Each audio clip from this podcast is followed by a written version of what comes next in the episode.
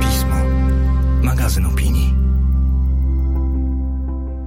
Wiersz na poniedziałek, czyli zacznij swój tydzień od poezji wybieranej i omawianej przez redaktorkę naczelną pisma. Nazywam się Magdalena Kicińska i zapraszam do słuchania podcastu. Partnerem cyklu jest Instytut Kultury Miejskiej w Gdańsku, organizator festiwalu Europejski Poeta Wolności. Dzień dobry, dobry wieczór, cześć. Słyszymy się, to znaczy wy mnie słyszycie, a ja do was mówię w połowie września, który nie wiadomo kiedy już właśnie się na pół podzielił i, i zaczęła się jesień i ja jeszcze czekam tydzień, żeby sobie puścić albo gdzieś złapać w radiu, bo wtedy bardzo często puszczają Czesława Niemena, który zaczyna od tego, że mimozami jesień się zaczyna i to jest też taki mój rytuał, żeby od tej piosenki wejść w tę porę roku, którą ja bardzo lubię. Lubię ją bardziej niż wiosnę. Może dlatego, że ja jestem raczej takim smutasem jesiennym niż wiosenną optymistką. Ale lubię tę jesień jak na razie jest dosyć ciepła, taka łagodna, chociaż przyszła nieoczekiwanie po tym lecie, które trwało chyba od drugiej połowy marca. Taki letni, wakacyjny, dziwny nastrój nas wszystkich ogarnął, trochę przymusowo. A jesień dla mnie zaczęła się w Gdańsku, bo kiedy dwa tygodnie temu się tam wybrałam, 31 sierpnia, Dlaczego to zaraz powiem? To, to był taki pierwszy dzień, w którym rzeczywiście tą jesień poczułam w powietrzu. Wstałam rano na pociąg, było chłodno, trochę mrzyło. Później się kołysałam w wagonie Wars nad kawą i patrzyłam na mgły w okolicy Mławy, Działdowa, potem Malbork. To jest taka moja kochana trasa letnia nad morze. Lubię oglądać, jak te stacje się zmieniają. Zmieniają się, bo posuwamy się do przodu, ale zmieniają się też w czasie. Są zupełnie inne obrazki niż te, które pamiętam.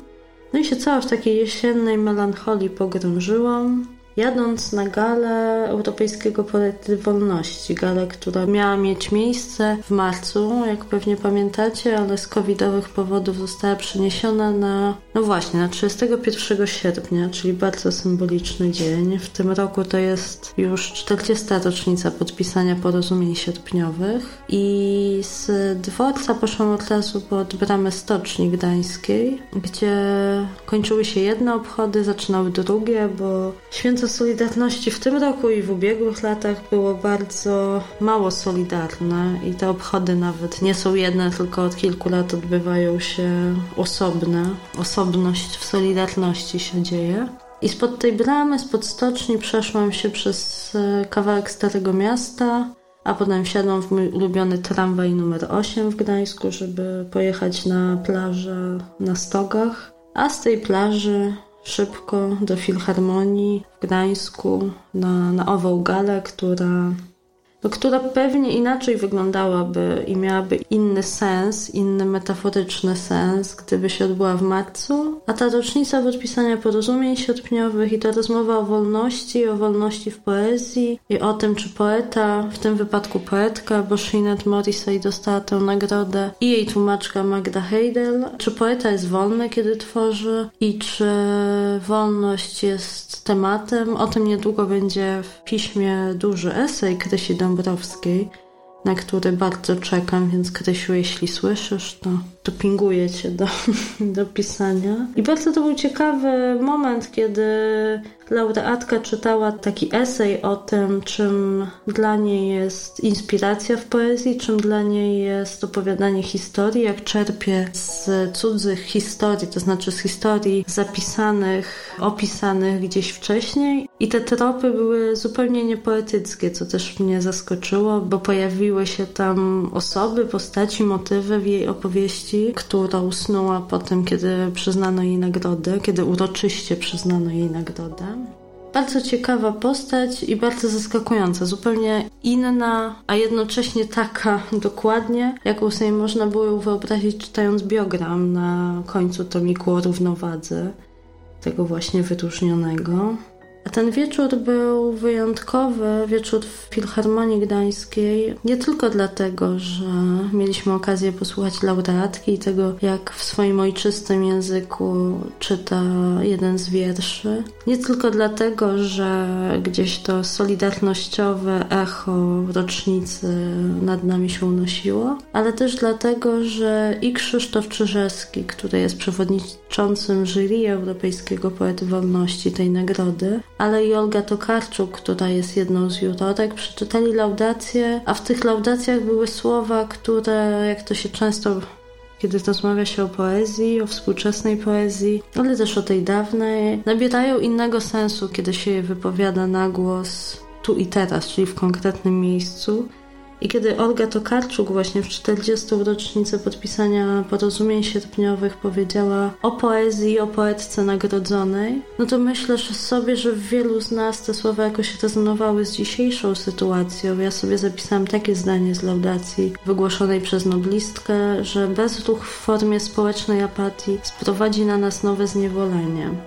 I o ile ona się odnosiła oczywiście do poezji Morrissey, o tyle no właśnie nie umiałam tego usłyszeć i nie przyjąć jako taką diagnozę czy przestrogę na temat rzeczywistości, w której się znajdujemy. A z Gdańska wróciłam nie tylko z tymi wrażeniami dotyczącymi samej Gali i nagrodzonej poetki i jej tłumaczki, ale też z czterema nowymi, nowymi w mojej kolekcji, ale nowymi, bo też wydanymi w tym roku tomikami poezji i Chciałam Wam o niej powiedzieć kilka słów o tej serii, bo seria wiąże się z projektem, z innym projektem Instytutu Kultury Miejskiej w Gdańsku, innym poetyckim niż Europejski Poeta Wolności, projektem realizowanym przez tą organizację, to znaczy Versopolis. Mam tutaj koło siebie właśnie te cztery przywiezione książki poetyckie i sobie z nimi trochę pobyłam bo to jest poezja, jak to się często zdarza i w tym podcaście, i na stronach pisma, tych papierowych. No nieoczywista, nie taka e, z, że tak chciałam powiedzieć mainstreamu, ale nie istnieje coś takiego niestety w Polsce jak poetycki mainstream, bo chyba istnieje raczej no stream jakieś małe strumienie, strumyczki gdzieś, gdzie ta poezja się pojawia. Natomiast rzeczywiście ta czwórka autorów, dwóch poetów i dwie poetki, o jednym z nich tylko wcześniej słyszałam. Być może to też świadczy o mojej wciąż zbyt małej wiedzy o współczesnej europejskiej poezji. Natomiast rzeczywiście są to autorzy, których chyba bez tej inicjatywy, bez Versopolis byśmy nie poznali. No właśnie, bo co to jest to Versopolis? To jest taka sieć, taka jakby inicjatywa parasolowa różnych europejskich, kilkunastu festiwali festiwali poetyckich, które się tak jakby skrzyknęły po to, żeby wspierać młodych i promować młodych twórców poza granicami ich ojczystych krajów. I działa od czterech bodajże lat i wydało się w ten sposób w różnych krajach ponad 160 poetów i poetek. IKM wydał w tym roku, jak już powiedziałam, cztery tomy i to są bardzo różnorodne książki i między nimi występują występuje. Nawet trudno mi znaleźć jakiś wspólny mianownik do tej czwórki autorów, więc może powiem, co najciekawszego albo co najważniejszego z tej lektury już prawie dwutygodniowej, bo sobie z tymi książkami chciałam pobyć tak niespiesznie, ale też na tyle na świeżo, żeby móc Wam o tej propozycji IKM-u Versopolis opowiedzieć. Najkrócej mogę opowiedzieć o tomie Josepa Pedralsa, nie dlatego, że jest mi najmniej bliski, ale dlatego, że to niekoniecznie jest akurat moja poetyka, mój język, ale wiem, że wielu z tych, którzy czytają poezję i poezji słuchają, się w nim odnajdzie. Dlatego bardzo go polecam. Jest taki raperski, rymowany, mocno rytmiczny. On, jak sobie przeczytałam w biogramie, bardzo często występuje łącząc poezję, tekst z muzyką. Mówi, czyta, recytuje, śpiewa po katalońsku, co musi wspaniale brzmieć. Nie wiem, czy słuchaliście kiedyś katalońskiego i tego, jak subtelnie różni się od czystego hiszpańskiego, chociaż nie wiem, czy taki istnieje. Natomiast ten język kataloński ma w sobie coś, jakby to określić. Wyjątkowego to banalne słowo, ale takiego osobnego, magicznego, mistycznego trochę. Szukałam dzisiaj gdzieś w sieci nagrań, które mogłabym Wam polecić, kiedy właśnie Petrarch recytuje swoją poezję. Takich nie znalazłam, więc polecam tamten tomik, tak jak mówiłam, raperski. Ja od razu tam, czytając wiele z tych wierszy, słyszałam w tle beat po prostu. Od razu mi się coś tam uruchomiło w głowie i, i te wiersze się same chcą śpiewać. O. Może tak, mam nadzieję, że ktoś z Was sięgnie i poszuka. Jak znajdzie właśnie audio z poezją Pedralsa, to niech da znać, bo jakoś nie umiałam tego znaleźć. Kolejny tomik to Helen Ivory, mam nadzieję, że tak się wymawia jej nazwisko. No to jest bardzo, chyba z tych czterech tomików mi najbliższa, bardzo, bardzo subtelna poezja, tłumaczona przez wspominaną, znaną i lubianą Krysię Dąbrowską. Sinobrody i Anatomiczna Wenus. Taki ma tytuł ten jej tomik i z tego tomiku wiersz, który chciałabym nieudolnie jeszcze bardzo stronami, przepraszam Kubę, nieudolnie przeczytać. Nie wiem, czy jest najbardziej reprezentatywny dla tego tomu, nie wiem, czy w ogóle jest reprezentatywny, bo jej poezja poza tą subtelnością jest bardzo, bardzo zróżnicowana. Ale to jest jakoś tak przepiękny wiersz, że no musiałam się nad nim zatrzymać. Moja babcia i pani Crow. Kiedy umierała, całą noc była przy niej zmarła przyjaciółka. Miała na sobie postrzępioną szpitalną koszulę i siedziała na wózku inwalidzkim. Opowiadała, jak tam jest, jak to nie istnieją tam telewizory, jak to można dostać filiżankę niezłej herbaty i jak jej gęsi ucieszyły się na jej widok. Właściwie bycie tam przypomina dawne czasy, tyle że nie spotyka się swojego męża. Co za błogosławieństwo. Rano pani Crow prawie zniknęła. Została tylko aureola srebrnych włosów, a na niebie jej gęsi w locie sznur zgiełkliwych paciorków. Nie wiem, jakoś od razu sobie wyobraziłam tę scenę, te dwie panie i tę opowieść. Jaka jest poetyka tego tomu, które z tych czterech mi akurat jest najbliższe. Poza tym jeszcze bardzo, bardzo ciekawa pozycja Samantha Berenson i jej tom Korzenie z francuskiego przełożony przez Martę Cichocką. Tom dosyć dziwny, jakkolwiek słabo to brzmi, bo dziwne to znaczy jaki. Pod tą dziwność można podstawić właściwie wszystko ale taki, z którym ja sobie do końca nie umiałam poradzić, nie wiedziałam, gdzie go zakwalifikować, bo z jednej strony był mi bardzo bliski osobiście. Trochę jej zazdroszczę, bo napisała to, co, czego ja nie umiem wyrazić i co mnie jakoś akurat moich doświadczeń z ostatnich miesięcy bardzo mocno dotyka. A z drugiej strony coś mnie w tym tomie wkurzało, może ta jego szorstkość, może, może to właśnie, że to zbyt blisko domu, jakoś nie umiem złapać dystansu do tej poezji. Natomiast tekst pod tytułem Drzewko cytrynowe no to jest tekst poetycki, po który, dla którego, z powodu którego warto się z tym, z tą szorstkością Samanty Berenson i jej poezji zetknąć. Bardzo, bardzo dobry, mocny wiersz, który chyba pokuszę się i opublikuję w tym roku jeszcze w jednym z numerów pisma i jestem ciekawa, czy na tych, którzy go przeczytają albo wysłuchają, też zrobi takie wrażenie.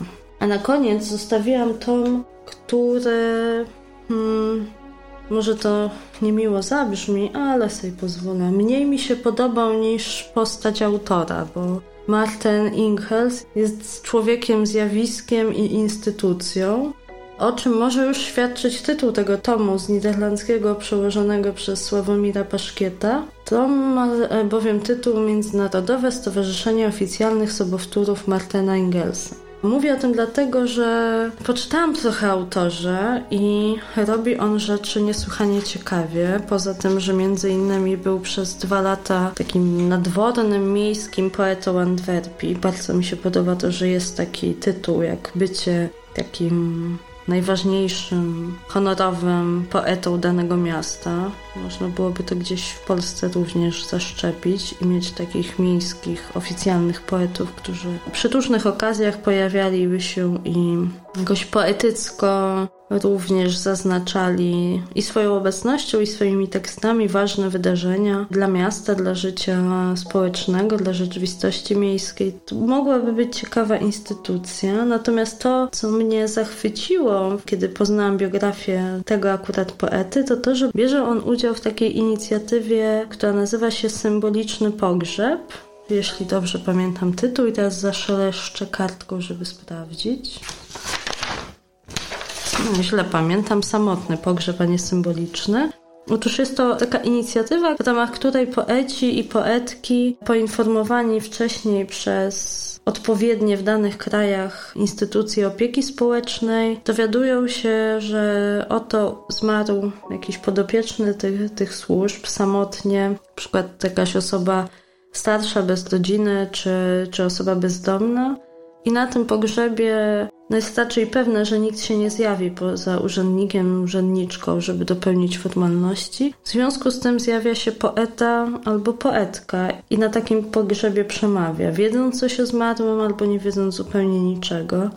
W każdym razie taki pomysł, żeby poezja, poeci, ich głos i ich wrażliwość towarzyszyła takiemu samotnemu pogrzebowi, zrobił na mnie ogromne wrażenie. I myślę sobie, że poeta, który animuje taką inicjatywę, bierze w niej udział i też pisze wiele wierszy w tym tomie zatytułowanych Pierwszy, drugi, trzeci dzień, czy wieczór po moim pogrzebie ma coś ze mną wspólnego, czyli takie funeralne zainteresowania i funeralną wrażliwość, ale też abstrakcyjne poczucie humoru. Trochę znajduje się, znajduje swoje odbicie w tych tekstach, ale jest coś ciekawego w tej postaci, takim poecie instytucji, który wiersze wyciąga z kartek czy z ekranu komputera i umieszcza je w rzeczywistości, nie tylko w ramach jakiegoś projektu wizualnego czy audiowizualnego, ale też takiego społecznego, jak to uczestnictwo poezji, czy towarzyszenie poezji w samotnym odchodzeniu. Takich więc poetów i poetki poznałam dzięki inicjatywie Versopolis,